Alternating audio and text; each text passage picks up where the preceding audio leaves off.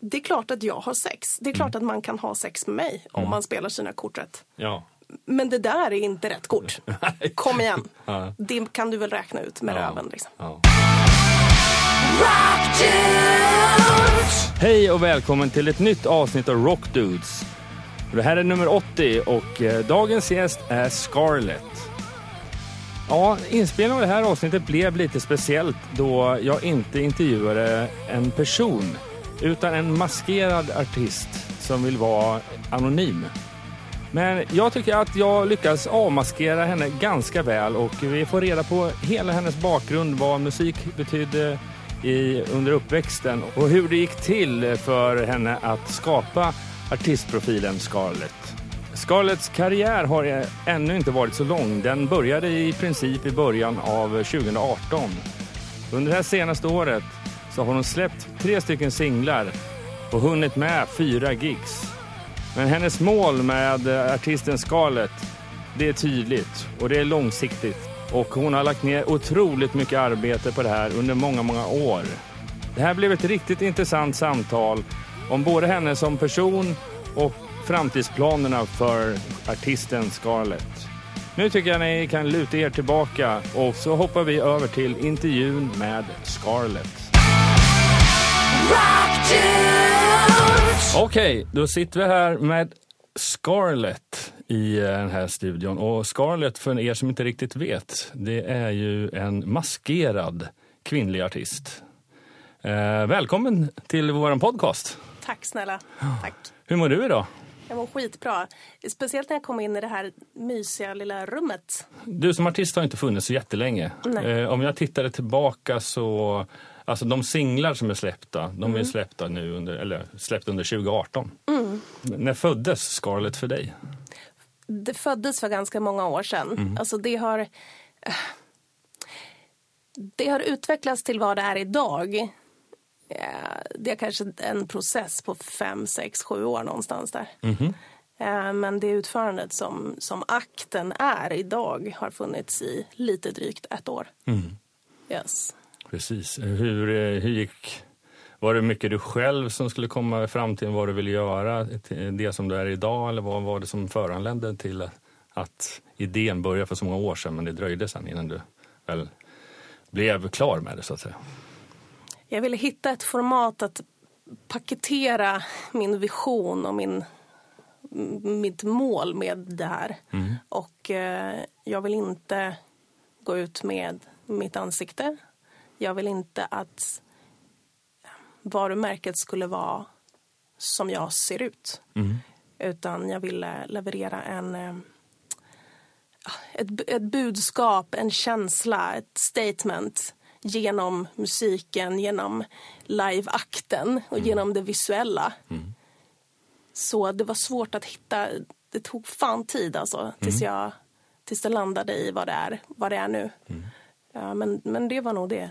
Jag, jag, kunde inte, jag kunde inte få ihop det i skallen hur jag skulle presentera det här. Så att, eh, Har du fått mycket hjälp nej. från andra, eller är det du själv som är den enda producenten, så att säga? Ja, det är Precis, och det är ju en- soloakt.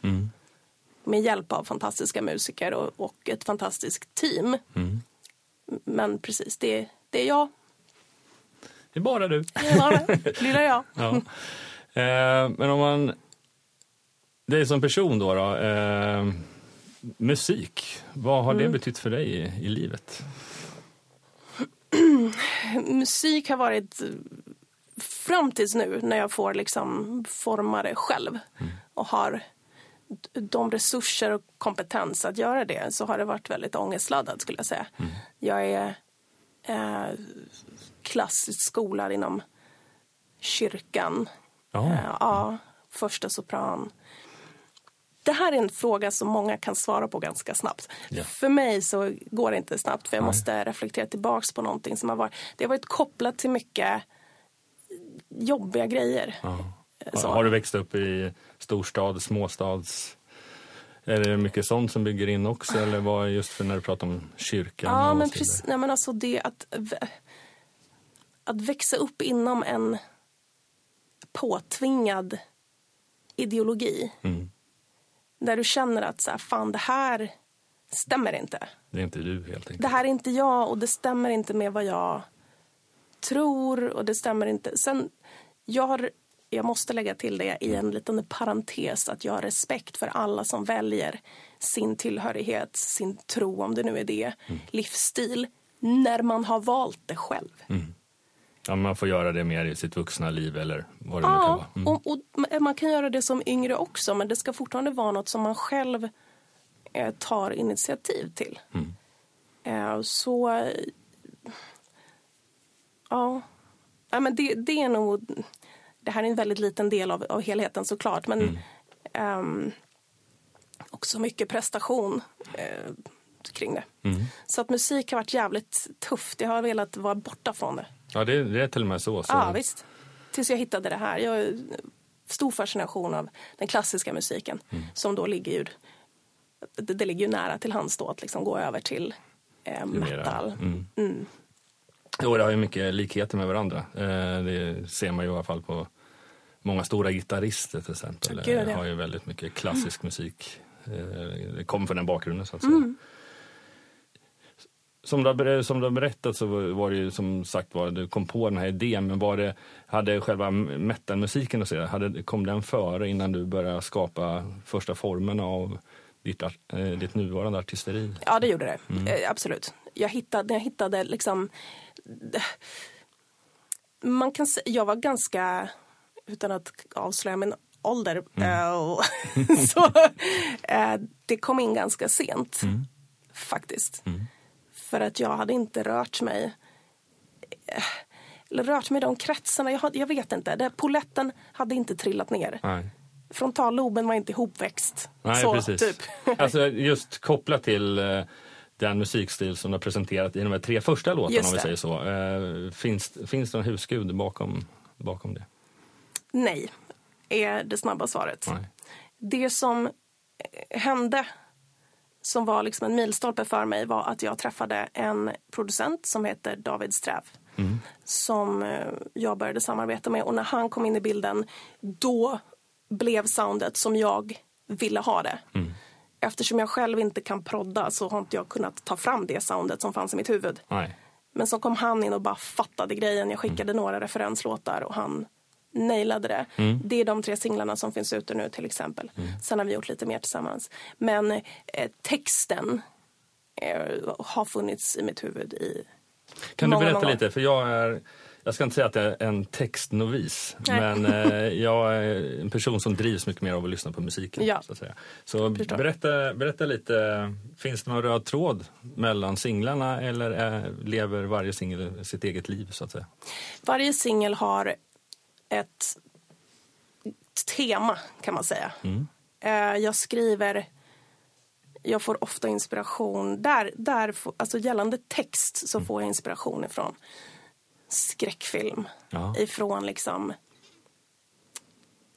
seriemördare, ifrån saker som inte är jättehälsosamma i längden. Nej.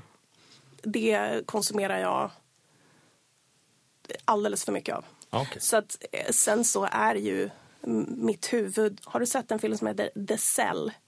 Nej, känner jag inte. Nej. Nej. Jennifer Lopez spelar huvudrollen och hon eh, går... Jag tror att hon är, hon är psykolog, läkare på något sätt och hon får möjligheten att gå in i en människas huvud.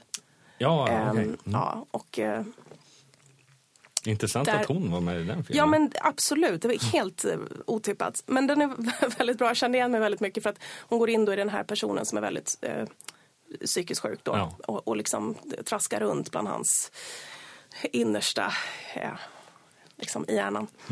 Eh, och så känner jag mig också.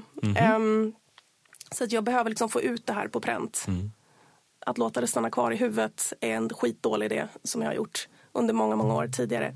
Jag glömde bort frågan igen för att jag började hamna på Eh, ja, ja, men du har kommit ganska långt i svaret. Men Det var ju just det här med eh, texten. Jennifer Lopez, Desell, eh, bearbetade själv. Nej, men så, så, eh, eh, textprocessen har, fu- har funnits där många, många år. Har du skrivit eh, mycket andra texter? Så att Ja, säga? jättemycket. Det är så jag... Det, nu eh, har jag lärt mig att det är ett sätt att kanalisera det som händer i min skalle. tidigare har jag tagit hjälp av annat. Mm. Eh, externa substanser, till exempel, som eh, lindrar, eller lindrar, men hjälper till för stunden men absolut inte i längden. Så att man måste hitta liksom ett organiskt sätt att förvalta all the craziness. Mm. Och då har det här varit ett sätt för mig. Så att, eh, ja. Men soundet för musiken kopplades på som det är idag när, när David kom in. Mm. Så att, och därifrån har jag kunnat ta det vidare med andra musikskapare. Att liksom, för då har jag en referens Ja exakt, nu har, nu, har, nu har du referens i dig själv och nu har du Precis. låtar att visa upp det som ja. du har varit väldigt nöjd med. Ja men exakt och då kan jag säga att jag vill ha det lite mer på det här sättet eller lite mindre av det här. Eftersom jag inte har någon konkret förebild inom musikscenen mm. eh, att referera till så att nu, ja. Det här har blivit lite som att du har blivit en egen psykolog. Eh, det kändes som för att oh, du yes. Ja. Ja, hög IQ, högt ja, IQ. Ja. alltså. ja. Um, för att, uh, ja, alltså det som jag sa, jag hittar ju någon form av röd tråd i musiken rent musikaliskt mm. så. Men, och vad hittar du då? Eh, eh, ja, det är lite mera, alltså den röda tråden är mera soundmässigt, att det är lite mer industriet. Alltså, mm. Det är en mm. genre som jag själv gillar. Jag, jag lyssnar på när Eh, min kollega på Rockbladet intervjuade dig för ett mm. år sedan. Mm. Eh, och så liksom, för då var det väl kanske bara en singel som mm. hade kommit ut tror jag. Mm. Eh, och, och, så liksom. Men sen eh, har jag väl lyssnat de andra lite mer sporadiskt. Men nu inför den här intervjun så har jag lyssnat om och om igen. Och sen är det ju framförallt, det borde vara den senaste, Killer Queen. Precis. Och så såg jag den videon som släpptes nu i februari. Ja. Den var ju också väldigt häftig. Den var Tack. Ju, alltså bara för jag är det med någon erkänd videoproducent som har jobbat med där? På den videon? Erkänd, han, han jobbar med ja. videoproduktion mm. och uh, mycket med sociala medier. Han är ju ett geni. Mm. Han sjunger också i ett band som heter Kerbera. Mm. Han heter Seike. Um, han otroligt... Alltså, det är så här jag jobbar. Jag tar in kompetens mm. där jag behöver den. Jag har ett eh, kontaktnät. Alltså, jag gillar inte människor generellt. Nej, det är så? Ja, Håller. så är det. Okay. så. Det kan vi prata om också. ja, det kan vi prata om. Nej, men jag, alltså att släppa in någon eh, sådär, det, jag gör inte det särskilt ofta. Så att när jag hittar folk, speciellt som liksom kan, dels som jag gillar mm. personligen och sen som adderar någonting till eh, det som jag håller på med. Mm. Eh, då håller jag fast dem jävligt hårt. Mm.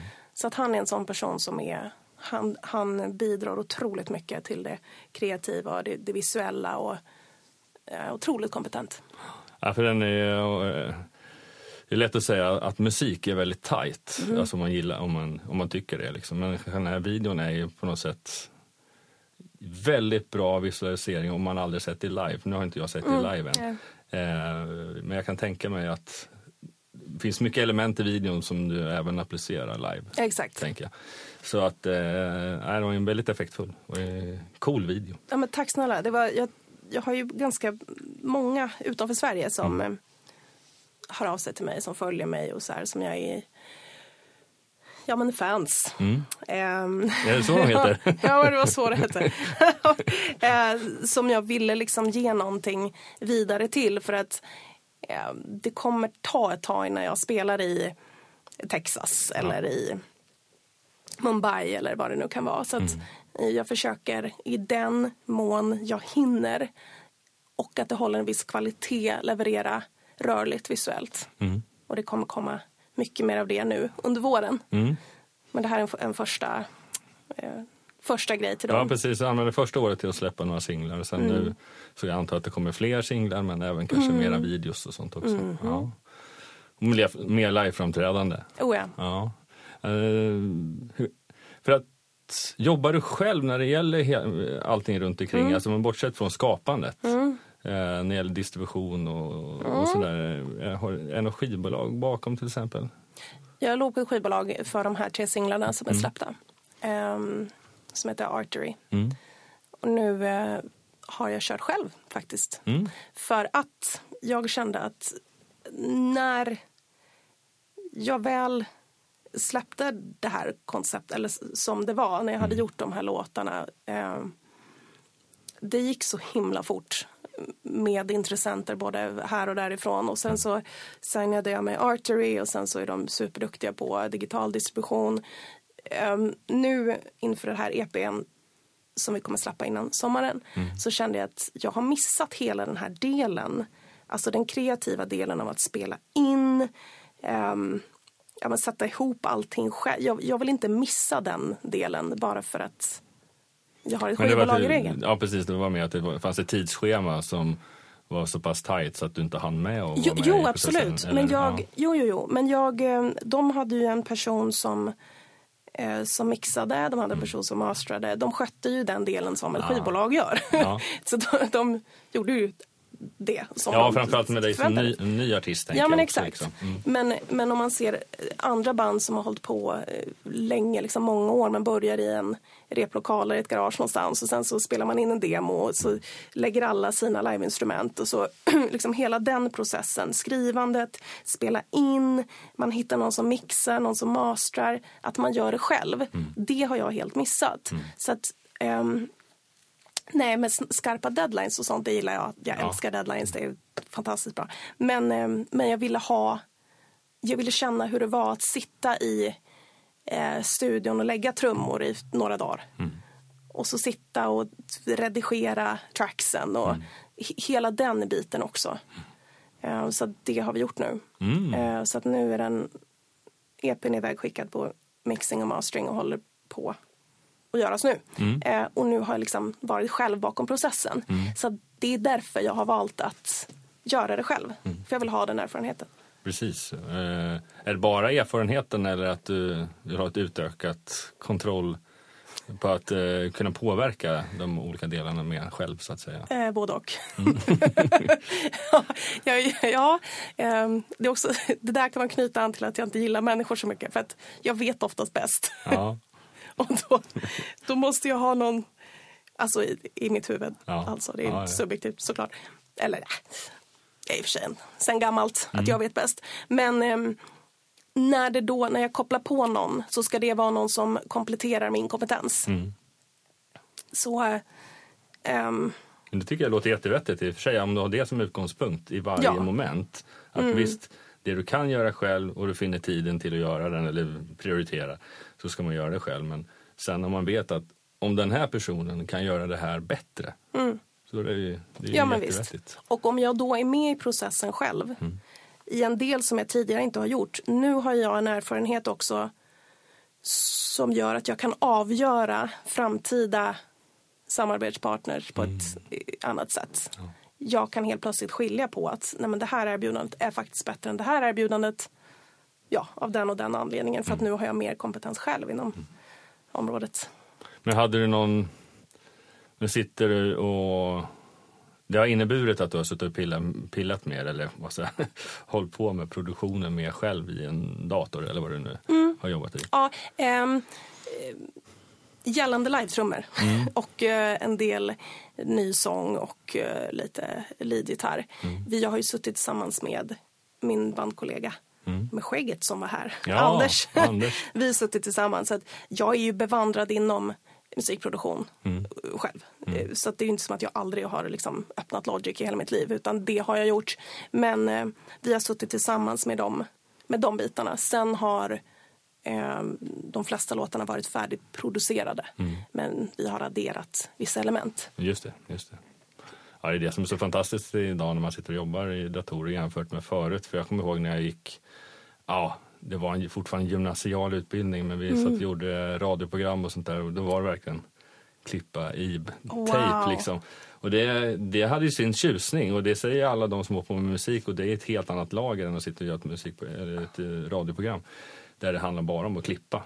Ja. Eh, men eh, idag är det ju det finns ju inga, alltså det finns ju hur mycket alternativ som helst i och med att allting är så mjukt. Du kan bara dra och släppa och sen för klipper man en tejp och sen har du slängt den tejpen, mm. då är den borta. Då är den borta. Ja, det är som hårt att sitta och trycka på delete i datorn såklart men, men du kan ju oftast bara justera saker. Ja så men visst, jag kan tycka att det är synd. Alltså, för det resulterar i är ju också att eh, något som kan upplevas som kvalitativt inte är det egentligen. Nej. För att det är ett program som har hanterat liksom så här, the rough edges. De, det, jag hade ju önskat att jag var att jag var med på den tiden när man klippte. Jo, men alltså det, det som jag kan tycka är fördelen då förut, liksom, när du kanske hade 8 eller 16 tracks eh, inspelningsutrustning, då hade du förhålla dig till de här 8 eller 16 kanalerna. precis. du kan inte få in mer, utan att då måste du trunka ihop flera spår i ett. Liksom. Eh, till skillnad från idag är det bara att eh, addera kanal Ja, i all oändlighet. Liksom. Och sen som du säger så gäller det ju att vara Kunskapen sitter fortfarande i huvudet av Mm. vad som är bra och dåligt förhoppningsvis. Sen är det upp till en själv. Det gäller ju att säga vad är bra och dåligt för mig. Mm. Sen vad andra tycker. Ja, de kan ju komma med tekniska aspekter. Ja, ja, att gör du så här så kommer det där låta bättre. Eller så. Men, eh, men annars så måste man ju vara sann mot sig själv, Mm. tänker jag. ja, jag håller med. Men ehm, du hittade tack vare den här första producenten lite av det Mm. soundet du ville ha. Ja, precis. Vad tog, eh, utan att jinxa för mycket av de här låtarna som kommer i vår, eh, sommar. Mm. Eh, är det mycket som har förändrats skulle du säga? Soundmässigt Ja, eller? alltså, ja, det är klart. När man går från en- en person som du har gjort väldigt mycket med och sen så byter du person, då händer ju någonting. Men det är ju som att co-writa en låt med någon eh, eller co-write- co-writa med någon och sen så byter du person. Det är klart att det händer saker. Ja. Men eh, David kommer fortfarande ha ett finger med i spelet på kommande EP. Sen har jag jobbat med två till producenter. Eh, sen så är det ju samma person som mixar det här då. Så, eh, som har väldigt bra koll på hur jag vill att det ska Låta Ja, låta. Ja, precis. Eh, men eh, första singeln som kommer släppas har ett... Den är annorlunda än det tidigare eh, som har släppts. Och det är ju en tanke med det såklart. Ja, ja visst. Jag menar, nu kanske, jag menar, idag så pratar ju många Framförallt när man pratar med nya band. Det är inte alltid så. Det finns fortfarande de som tänker gammalt och vill ha ett helt album och hitta en röd tråd och ha olika, ha en dynamik i skivan. Liksom. Men nu ska du släppa en EP, det behöver ju kanske vara en dynamik där också. Idag är det ju, pratar man mycket om eh, om man ska släppa album, EPs eller singlar. Och det där är lite, de som går i gamla skolan vill ju gärna ha ett album för att få in hela röda tråden. Men eh, det moderna gränssnittet är att folk lyssnar på låt för låt, eh, inte en helt album. Så vad, vad, vad tycker du om det generellt och vad, hur applicerar du det på ditt artisteri? Ja, generellt så tycker jag att nej men hårdrockspubliken är ju lite fortfarande kvar i det att man vill ha ett helt album. Vilket jag tycker är underbart. Dels för lyssnaren och, och sen för artisten, bandet. Jag föredrar det själv. Om jag gillar någonting så vill jag ha mycket av det. Jag vill inte hitta massa olika band som har en bra låt i den. Nej, jag, jag tycker nog det. Ehm, men sen, det, det beror helt på genre. Om man tittar på liksom Majorbolagen jobbar ju inte med rock nästan alls längre. Nej, det kan man ju säga. Det är bara om man är In Flames som vi pratade om Ja. precis innan här. Eh, Det är de, jag menar, det är de som vidhåller sitt, sitt stora namn. Där kan, de kan ligga på major labels. Annars, Ja, är absolut. annars så ska det vara superkommersiell. Ja, ja visst. Och, och det är också kopplat då till eh, placering i listor, ja, men, t- användarbeteendet. Det är ju det man får kolla på. Och, och det, är ju, det är ju så det är. Ja. Och ehm, sen är det ju det är fortfarande många inom hårdrock, metal, de länder där genren är väldigt stor så kanske de inte ens använder Spotify. Till Nej, exempel. det finns ju fortfarande många länder som Mm. faktiskt är så. Det har man ju hört. Det har ju delvis varit så i ett nära land som Tyskland till exempel. Ja, men- har fortfarande sålt mycket fysiskt. Mm, absolut. Och sen så om man då köper musiken så förstår jag att man vill ha fullängdsalbum istället för en EP. Ja. Eller köpa en, en singel här och där. Eh, så ja, jag personligen är för fullängdsalbum. Album, ja. Men det är också för att jag är jävligt picky och jag vill inte... Ja, men Men, men jag också det där konstnärliga liksom. För att jag kan förstå popvärlden. Mm. De som förvisso ibland släpper album men de släpper ju nästan alla låtar på singlar först innan de har släppt albumet. Mm. Och där bara är det radio hits som gäller. Liksom. Det är Ja, så, det hela, och så har det lite varit nästan hela tiden. Mm. Medan rock och hårdrock har mer varit ett... Där tar man ut sin konstnärliga ådra fullt ut. Liksom. Mm. Låt för låt och sen syr man ihop det i något snyggt koncept. Liksom. Ja, och det är också stor respekt till allt al- arbete som ligger bakom det. Mm.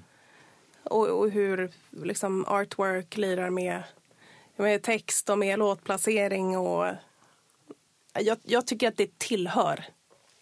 Jag bryr mig inte så mycket om jag bryr mig om hur, hur musikbranschen fungerar. För att jag är verksam inom musikbranschen. Men när det kommer till andra genrer så I don't give a shit. Hur, hur, liksom, hu- hur det går. Jag observerar Mm. för att veta. Men, men jag lägger inte mer tid och energi på det mer än att, att konstatera. Nej, precis. Och det är väl bra så. För att annars kan man Ja. sitta och vara bitter och sur på, på, på hela den här branschen som, Ja.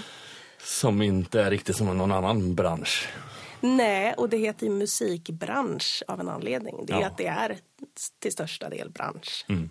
Och lite mindre musik. Det är en egen, eh, vad säger man, lekstuga. Ja. Ja, bra sagt. Det där ska jag ta med mig från idag. Ja, men sen hur jag applicerar på min eh, egen musik, det har ju med andra faktorer att göra. Att jag släpper en EP, det är för att eh, det är det jag kan göra med, det, med, med vad jag har. Om jag skulle försöka pressa in fler låtar eller liksom hetsa fram någonting som jag inte känner passar in just nu så blir det inget bra. Mm. Så därav att jag släpper en EP. Och så ser jag inte stor än. Liksom. Nej, men det är ganska kul ändå. Man har ju sett mycket. Nu har du i och för sig haft ett skivbolag bakom dig som är, varit, som är duktiga på just digital distribution. Men eh, tittar man till exempel på de siffror som jag ser i Spotify på hur många lyssningar varje låt har, hur många månatliga lyssnare har, så är det en ganska, eller det är en väldigt bra siffra egentligen för att bara hållit på i ett år.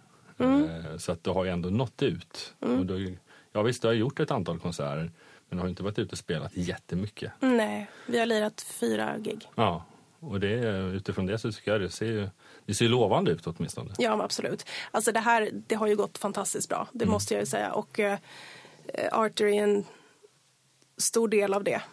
Såklart. Eh, men eh, jag jobbar ju röven av mig också. Jag kan tänka mig att det är inte, inte så många vakna minuter. Eller Nej. hur jag säga? Jo, det är väldigt Ja. många vakna minuter på, Det på är dygn. jättemånga. Det är inte så många sovna. Nej. så, eh, så att vi, det är liksom... Varje person, varje aktör har gjort sin sak och det är därför det har gått så bra. Jag jobbar jättemycket med sociala medier, framförallt Instagram, eh, där jag också har en, en stor publik. Jag får 30 till 50 nya följare om dagen. Det är jättehäftigt. Ja, eh, Är det från och- hela världen eller är det fortfarande mest från Norden, Europa? ja, det är mest USA måste jag nog Det är USA. Mm. Alltså USA, nej men Europa, eh, Nordamerika. Ja. Ehm, och det gäller att förvalta det man har hela tiden.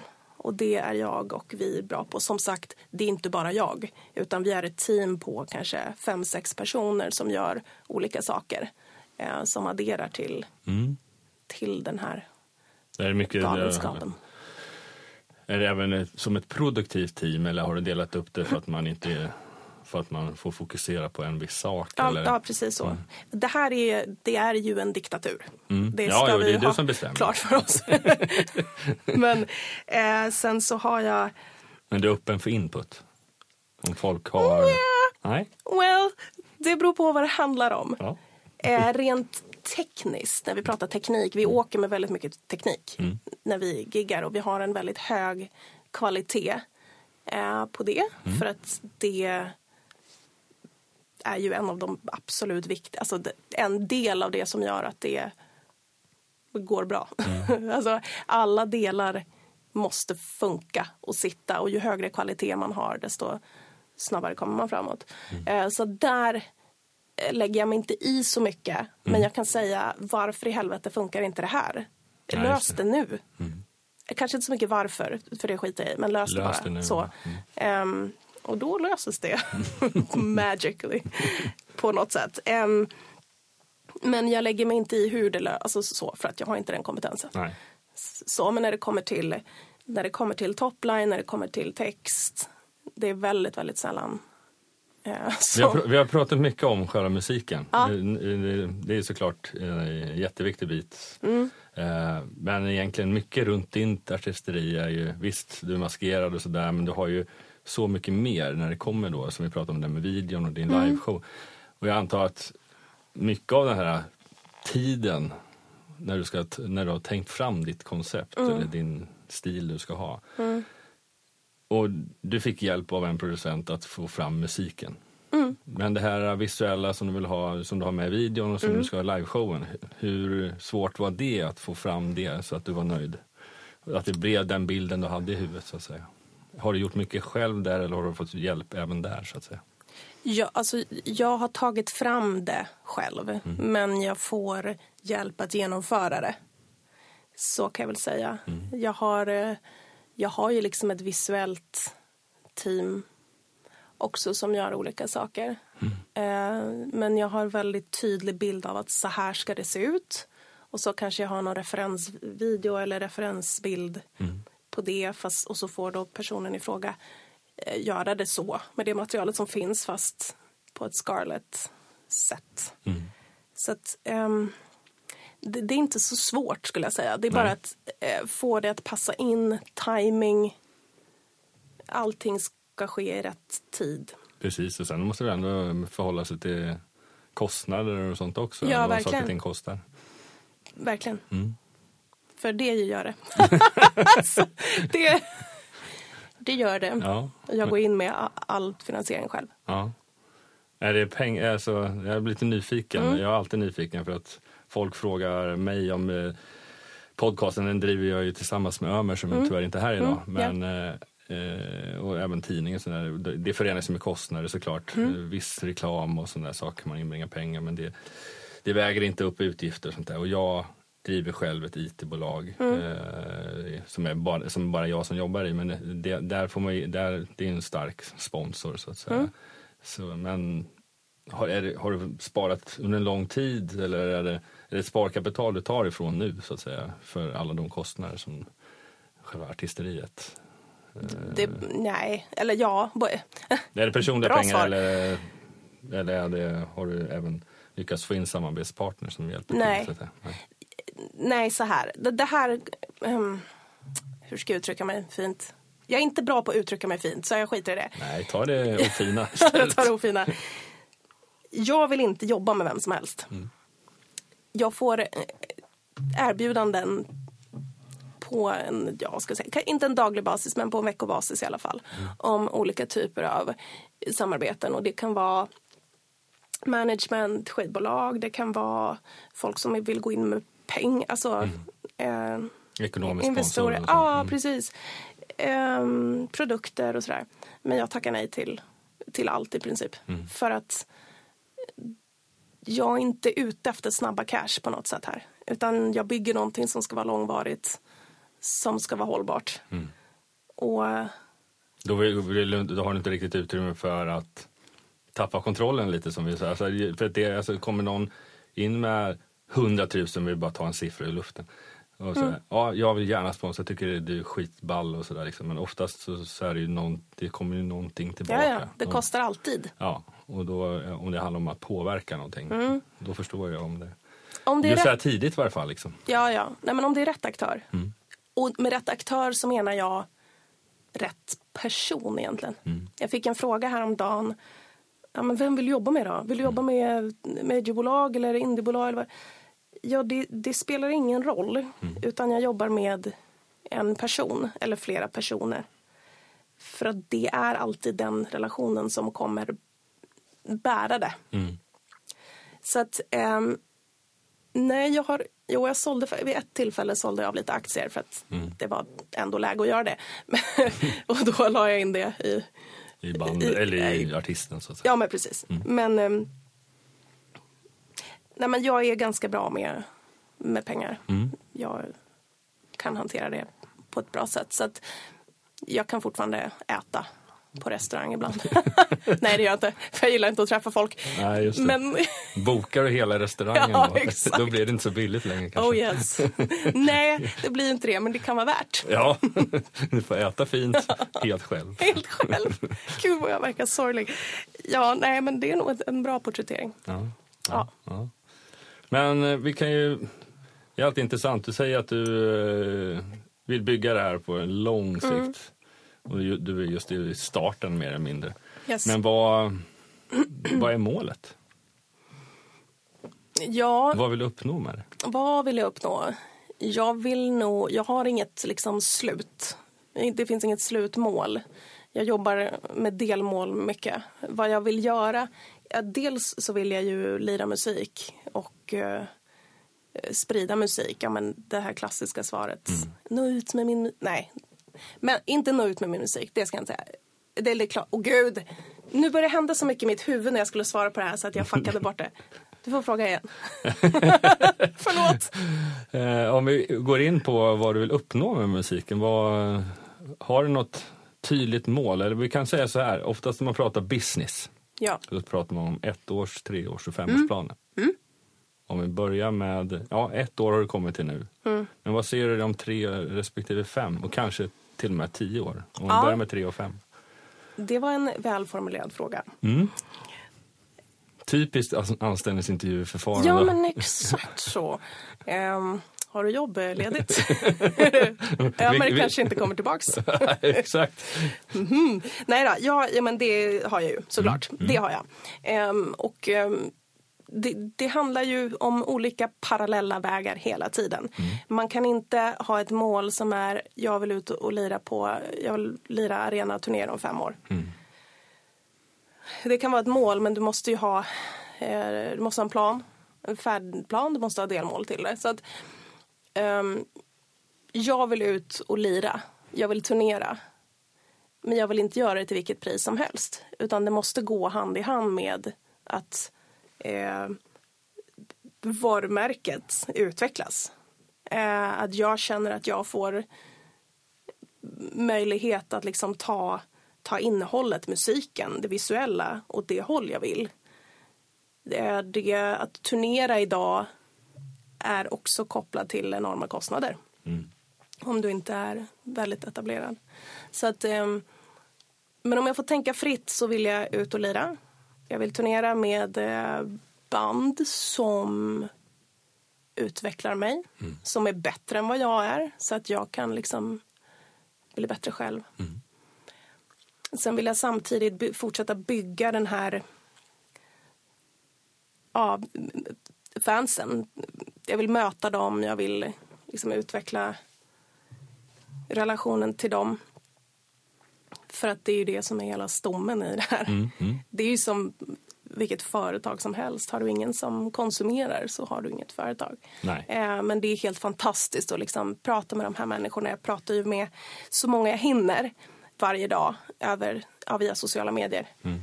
Och liksom får höra livshistorier som man Ja, visst, hur, hur, hur, tar du det liksom? Nu blir det ett sidospår. Ja, nu men... blir det, ja men sidospår är bra. Ja, ehm, jag har ju gått ut med liksom initialt ehm, lite touchat vid att jag har en historik inom psykisk ohälsa och att jag har, suttit eh, isolerad på olika sätt av olika anledningar. Och ehm, eh, i mitt visuella uttryck så är det ju mycket blod och det är mycket liksom skit. Mm. Och det gör ju att en, en viss typ av person kan relatera och uh, höra av sig. Ja, kan, just idag kan jag tänka mig att det måste finnas, ja inte hur många människor som helst, men det är många som kan relatera till psykisk ohälsa. Gud ja. Ja, I, det, är I alla åldrar egentligen, men framförallt ungdomar idag. ja, det är väldigt blandat måste jag säga. Jag har allt från liksom 11-12-åringar till 75-taggare som, Ja. som hör av sig. Ehm, och, och det är någonting som jag själv är öppen med. Eh, Den, kanske inte in i detalj, men att jag har den erfarenheten och jag pratar gärna om det med personer som som vill prata om det. Eh, och, och många kontaktar mig då och man ser ju det som är Eh, det, det är både bra och dåligt. Eller t- dåligt är det väl inte alls, men det är jag som tycker att det är jobbigt. Det, det är både bra för mig och väldigt, väldigt tungt. För att jag får ju veta liksom livsöden och folk, speciellt folk som inte har eh, ekonomisk backning, eh, social backning, som inte ha, har någon som helst de har, de har ingenting att komma till. Bor i andra länder som inte har sjukvård som de har råd med. Och det, det är tunga, Tunga stories. tunga stories. Ja. Och då när det är väldigt unga människor så brukar jag lägga extra, extra krut och tid. Och framförallt om jag inte kan hjälpa själv så kan jag hänvisa Mm. till, ja men det här finns en hjälplinje i USA som tar hand om den här typen av problematik. Och så. Ja, men det är jättefint. Ja, jag, om jag inte gör det så är jag ju för fan dum i huvudet. Liksom. Jo, ja, när jag har öppnat det, det, upp för alltså, det. Mm. det snabba svaret är ju så, men sen får man ju också... Så kan jag också... eh, Ja, jag, har inte levt i, i, de banorna Mm. själv så jag kan inte relatera djupt till det så. Men man är alltid, jag kan alltid anknyta till det när det kommer till sorg eller någonting Ja, som, som, har med det att göra. Liksom. Så att, eh, det är alltid tufft. För, menar, de enda gångerna jag relaterar till det, det är när man har haft Alltså att få sån typ av korrespondens. För det har ingenting med att utbyta. Utan det har bara en sån enkel sak som att man via tidningen tävlar ut någonting och det är någonting som engagerar, som det alla vill vara med i. Det kanske kommer in 300-400 bidrag liksom på några dagar. Och då ska folk motivera varför de ska ha det. Ah, och då får man de här livsödesberättelserna rätt ofta. Och ibland i ett helt A4-format. Eh, och, och, jag brukar alltid vilja läsa igenom det, men vissa tar ju hårt. Liksom. Det tar väldigt hårt. Ja, men självklart. Och sen så, vi, de sakerna måste någon som är utbildad, legitimerad, Ja, eh, ta hand om. Och då kan man... Ja, det bästa man kan göra är att hänvisa vidare. Liksom. Men, Men, jag, men man kan ju ändå vara ett stöd som du säger att du ger lite respons och i och med Mm. att du har erfarenheten av det du har så är det lätt. Och det är det som är oftast det som jag tror folk söker. Många går ju till psykolog eller någon, någon typ av vård, som, i alla fall här i Sverige om man ser det så. Eh, Men det är inte alla som känner att de får det stödet de behöver. Ja, nej, nej, Men får de då det av en person som de vet har varit på samma sida av Mm. spelplanen, då, eh, räcker det med några ordväxlingar ibland så mår de åtminstone för stunden mycket bättre. och att bara någon att de- lyssnar. Ja, Eller att någon svarar. Speciellt någon som de inte tror ska svara. Nej, de Så- skickar väl ett meddelande och tror att Ja. Hoppas de läser det bara. Liksom. Ja, och jag missar ju jättemycket såklart. Men det här leder ju också till, jag nämnde det lite för dig i vår eh, mejlkonversation, att jag får ju folk efter mig som jag eh, inte vill ha efter mig. Nej. Eh, väldigt mycket så. Nej, ja, det, där, ja, det är ett ämne som... Ja, det är väldigt lätt att glida in på det just för att du är tjej, kvinna, eh, frontfigur i, i, som artist eller band. Att, eh, det är klart, även stora etablerade manliga band får haters. Men oftast handlar det kanske inte så mycket om personen utan det handlar mer om deras musik, att de kanske har valt en helt annan väg eller någonting. Det är saker som är ganska lätta att få rinna av en. Liksom. Man behöver inte bara bry sig. Liksom. Men eh, oftast, vad jag förstår eh, av er tjejer som råkar ut för det där, vilket är ju ganska många ändå. Ja, men jag tycker att det är skrattret. Eller när det är, det kommer, jag får ju jättemycket kukbilder. Får jag svära? Eller, får jag, eller svära, men får, Ja, ja. Det, det, dickpics, Ja. säger vi. Det är ju liksom skrattretande. Ja. Vad ska jag göra med det? Ja. Vad, ja, det, det är väl klart att jag eh, kan liksom... Nej. Nej, det, går inte ens att säga att man attraheras av en sån grej, vilket det är de tror eller vad de nu vill Ja, göra. nej, men det är så lustigt med folk som försöker stöta på en. Alltså Mm. så här... Det är klart att jag har sex. Det är Mm. klart att man kan ha sex med mig om man spelar sina kort rätt. Ja. Men det där är inte rätt kort. Kom igen. Ja. Det kan du väl räkna ut med ja. röven. Liksom. Ja. Men just det här med skumma, skumma personer, hur förhåller, Ja. hur förhåller du men till det, det? si- sist nu när vi var i Övik då fick jag ju ett konkret dödshot. Mhm. Så då eh, fick jag med mig en extra person som... Alltså det, de här kommer inte göra någonting. Men det är bara det att liksom säga att jag kommer komma dit där du är. Mm. Och då... Ja, är, man måste ju vara bättre safe than sorry liksom. Alltså även att eh, 99,999 999 fall så kommer det inte hända någonting Nej. för de är kaxiga bakom skärmen men de är absolut inte särskilt kaxiga in person. Men det räcker med en person som håller fast vid det han har sagt. Mm. Så blir det ju väldigt otrevligt. Ja men precis och sen så, eh, jag vill liksom inte egentligen, ja, nu säger jag det här i din podd i alla fall. Men jag, jag vill inte liksom gå ut med just de där grejerna allt för mycket för att det triggar andra. Jag, jag märkte det, jag postade på min Facebook en, en av de här kukbilderna och så satte jag en emoji på ollonet. Eh, Facebook tog ju bort den sen såklart. Men bara för att så här, åh, den här fick jag. Liksom för att skapa en medvetenhet och en reaktion. Och de allra flesta blev ju så här, jag fick hur många kommentarer som helst på den bilden. Och folk tycker ju liksom att det är förskräckligt. Mestadels män som skriver. Eh, de allra flesta män är fantastiska. Ja, liksom men det är så. ju så. Det är ju så. Ja, men, eh, men sen så liksom märkte jag hur det också triggade igång då vissa andra att göra samma sak. Så man får vara jävligt försiktig med vad man skriver. De här trollen. Ja, och jag, som sagt, jag, jag bryr mig inte. Nej. Jag vet att jag skulle käka upp dem till frukost. Liksom. Det är Mm. ingen fara. Men eh, när, det, när det konkret handlar om våld, Mm. eh, dödshot. Sen då uppe i Övik, så ring, 30 sekunder in i vårt eh, gig så börjar, drar brandlarmet igång. Jaha. Och det första jag tänkte var så här, fuck, nu är den här människan här och ska Ja, liksom Jävlas liksom. Ja, nu var han inte det. Men det sätter någon, någonting i en. Ja. Jag har ju goda vänner som spelar i, i band, stora liksom, eh, svenska metalband som har blivit misshandlade. Som har blivit liksom, här, där det faktiskt går från, från ord till handling på ett sätt som är väldigt obehagligt. Ja, jo, men man måste vara, eh, ja, hålla på sin kant. Och det är synd att det ska behöva vara så, liksom, bara för man är i någon form av publikfigur. Liksom. Mm. Ja, det, jag tror inte man kommer undan det. Nej, Man får, man får hantera det bara. man har lovers and haters. Så Ja, är det, det, är- inte mer, inte mer med det. Yes. Men om vi fortsätter in på den här tre och femårsplanen. Ja men den! Ja men den! Om vi, om vi, om vi ser, alltså, ni har gjort fyra gigs och det har varit säkert helt fantastiskt. Det har varit lite olika stora scener i och med att ni har spelat till exempel nu som senast på Öviks fe- rockfest. Till klubbscener. Men vad, vad ser du helst? Alltså ditt format som det är just nu. Är det bäst för den här lite mindre, alltså klubbscener generellt, om vi kallar dem för mindre.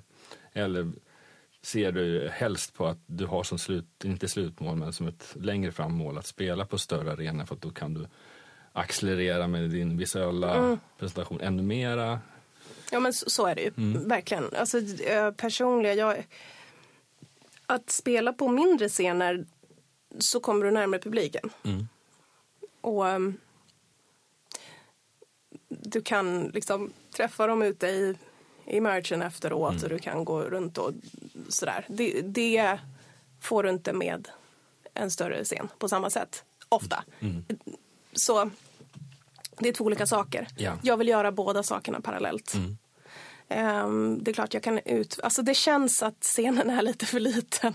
Ehm, eller lite för liten, men det, ja, när man väl står där. Det är nice när liksom, jag har ju en um, The Thirsty som sjunger med mig. Hon eh, och jag, alltså vi integrerar mycket med varandra. Och så här, det, det blir lite svårt När det är för litet. när det är för litet. Ja. Så då kan man liksom inte ge publiken riktigt det som, som man vill.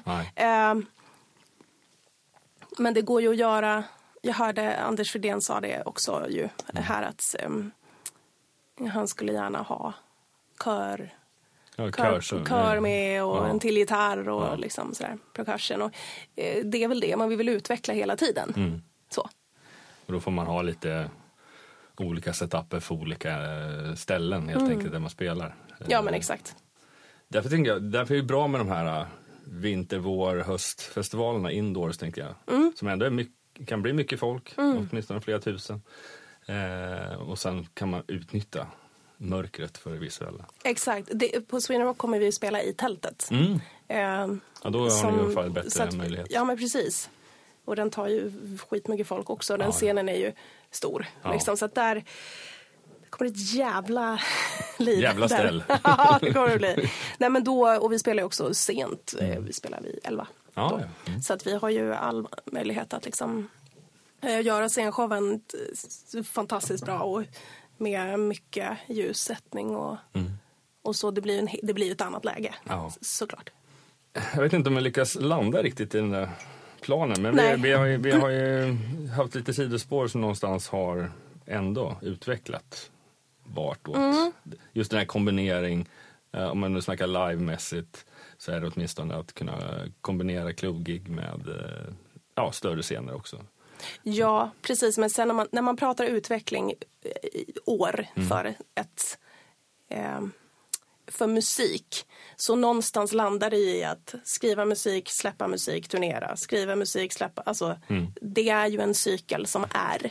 Och under den cykeln så får man hitta sätt att utveckla det man gör. Så att, eh, det är klart jag vill säga att om fem år så förbandar vi Metallica. Liksom. Men Ja, men jättebra fråga. Nu slängde du ut något band som jag Ah. började den här intervjun med. Men eh, support är ju någonting som man använder väldigt mycket för att utveckla Mm. ett band, komma ut på större scener, bli associerad. Eh, hur tänker du runt det? Har du några ja, favoritband som du, som du rent konceptuellt vill, skulle vilja åka ut med? Alltså typ önskeband. Ja. Eller, eh, ja, Har du haft med sådana tankar i planen mer, tänker jag? nej. Och det är av en Jag märker annan... lite det på svar. kanske. Ja, nej men så här. Eh, att åka support. Om, det, om jag hade tjänat pengar på det. Så ja, jag hade velat supporta Ghost. Jag tycker Tobias är eh, helt jävla fucking amazing. För, av många, många anledningar.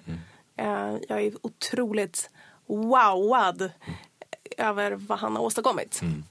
Verkligen. Så av den, av den anledningen, jag vill jättegärna åka förband till Metallica för att det är fucking Metallica, såklart. Men eh, det kostar. Alltså å, även om man är...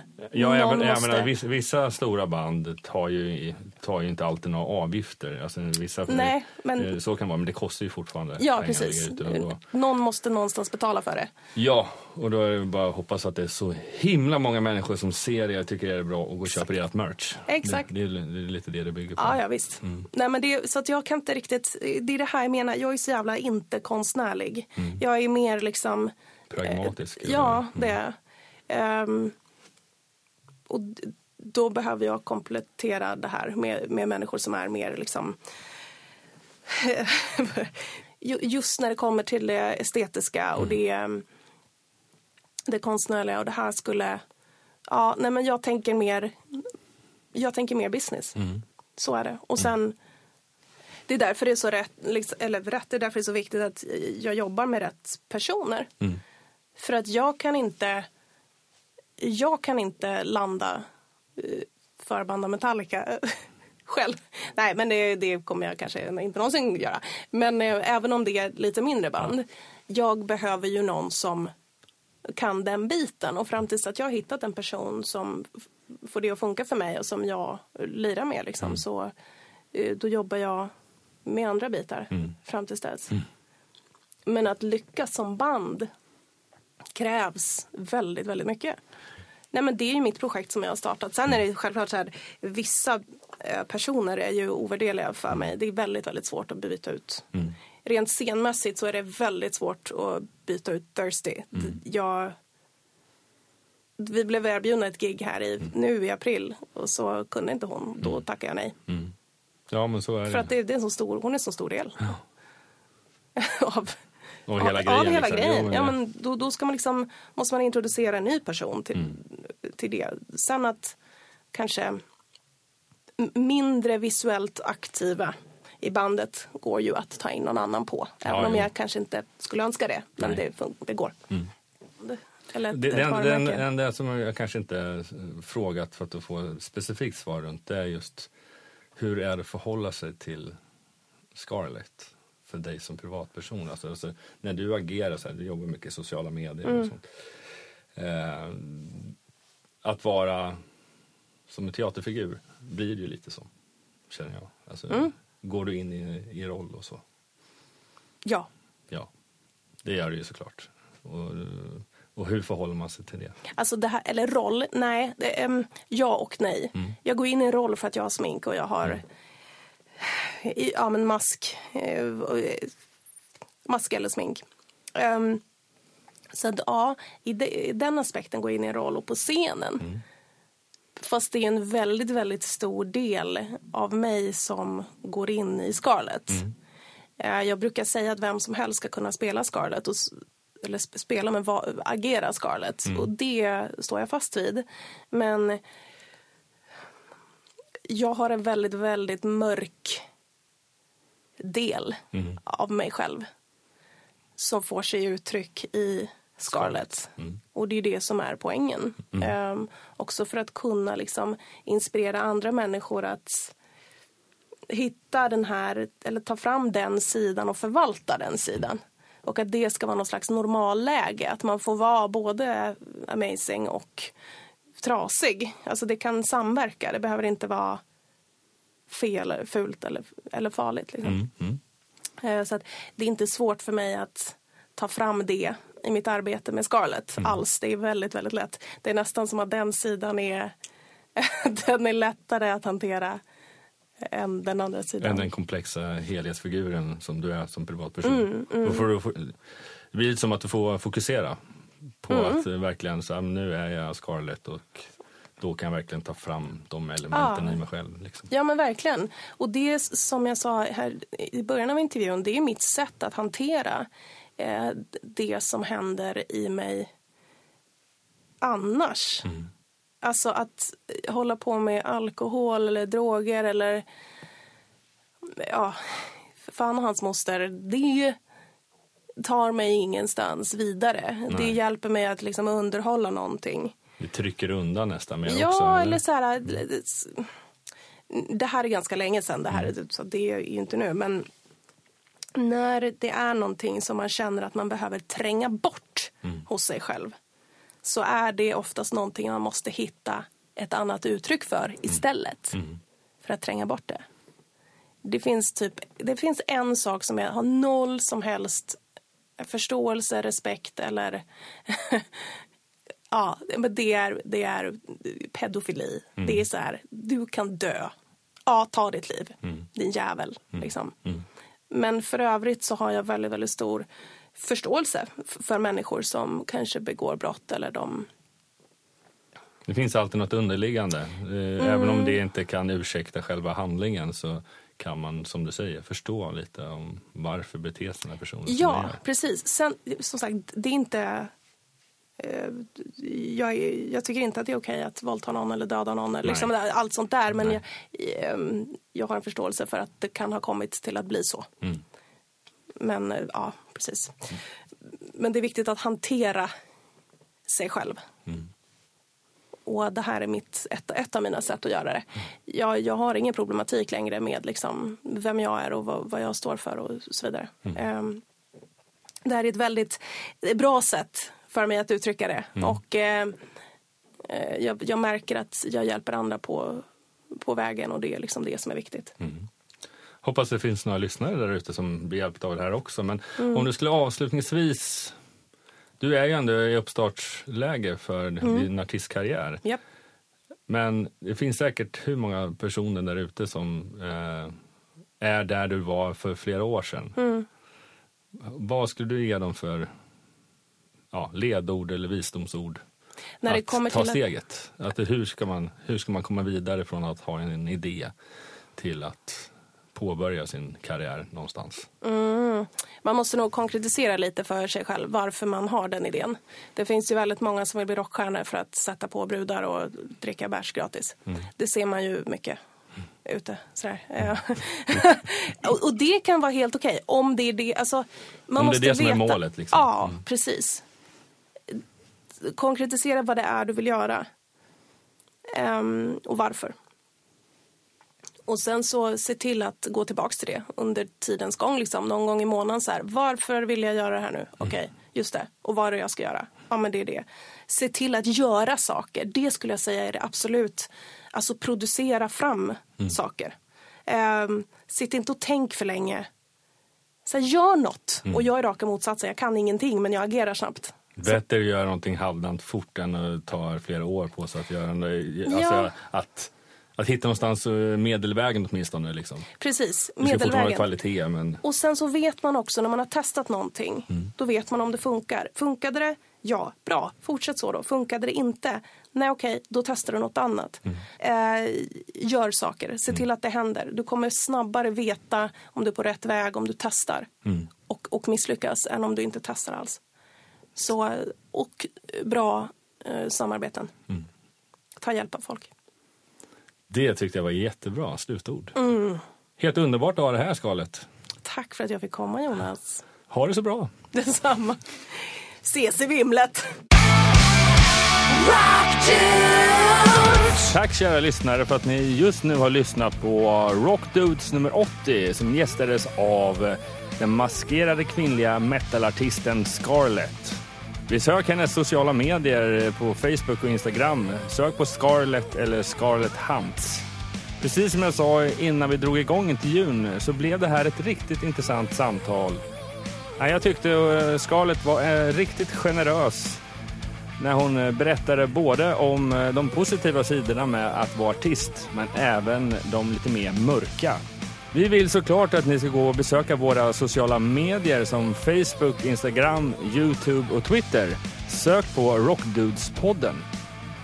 Gå gärna in på vår Facebook-sida och skriv en kommentar om vad du tycker om just det här avsnittet eller vad du tycker om vår podcast. Du får såklart gärna klicka på recension och skriva några fina ord där också. Vill ni nå oss på vanligt sätt via e-mail så kan ni skriva till rd.rockdudes.se.